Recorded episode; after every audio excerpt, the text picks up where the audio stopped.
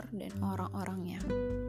Hampir setiap hari, diri ini selalu diberi kesempatannya untuk keluar menghirup udara segar di kota yang punya istana dan identik dengan botanical garden atau sebutan mudahnya kebun raya. Walau hanya sekedar mengantarkan bolak-balik tujuan sama, makan siang atau alhamdulillah keluar untuk bertemu teman, ada saja hal menarik selama di perjalanan. Perjalanan bagiku sangat menarik, membuat imajinasiku tak karuan. Hingga fatalnya pernah lupa bahwa ada titipan barang yang harus dibeli sebelum singgah ke suatu tempat. Maafkan diri ini, kasihkan melihat hiruk pikuk suasana sekitar. Kalau kata orang, human interest. Tapi inti topik cerita ini bukan tentang aku, tapi tentang orang-orang Bogor. Iya, meskipun aku salah satu yang terlahir di kota ini. Perbedaan signifikan jelas terlihat dan dapat dibandingkan sejak awal aku merantau ke provinsi tetangga. Hingga akhirnya sejenak rehat untuk melihat sudah sejauh mana sih kota ini berubah selama kurang lebih 4 tahun. Secara fisik banyak sekali yang berubah.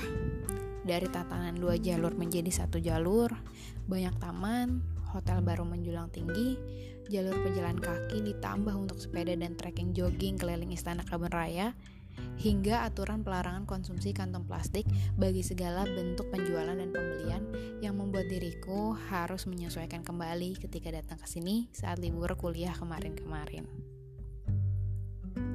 Empat tahun bukan waktu lama, singkat, namun berhasil merubah kota kelahiranku menjadi kota yang tak mau ketinggalan dengan zaman yang terus berkembang dengan ditambah iklim yang menunjukkan kemunduran secara perlahan. Aku tak terlalu berkontribusi memang, tak bisa berbuat banyak kemarin. Namun itu semua berhasil berkat orang-orangnya. Wali kota Bima Arya, jajaran pemerintahnya, koordinasi dengan kerjasama pemerintah dengan para komunitas yang punya visi sama untuk kemajuan kota Bogor.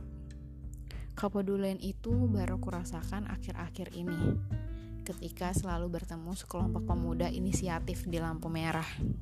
Momen bencana alam longsor dan banjir kemarin ternyata membuat banyak orang terusik hatinya hingga mau terjun ke lapangan tak peduli banyak mata tertuju padanya.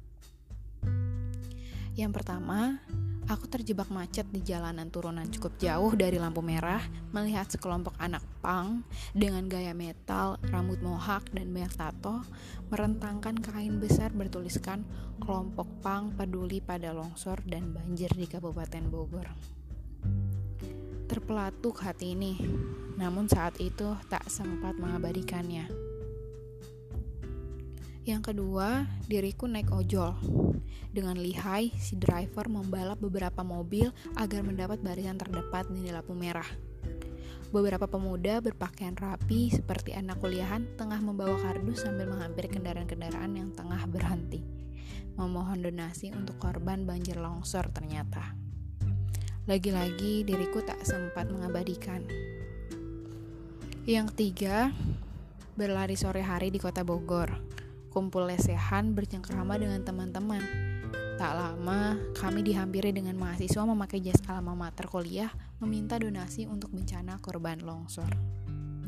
Berperasaan sekali mereka.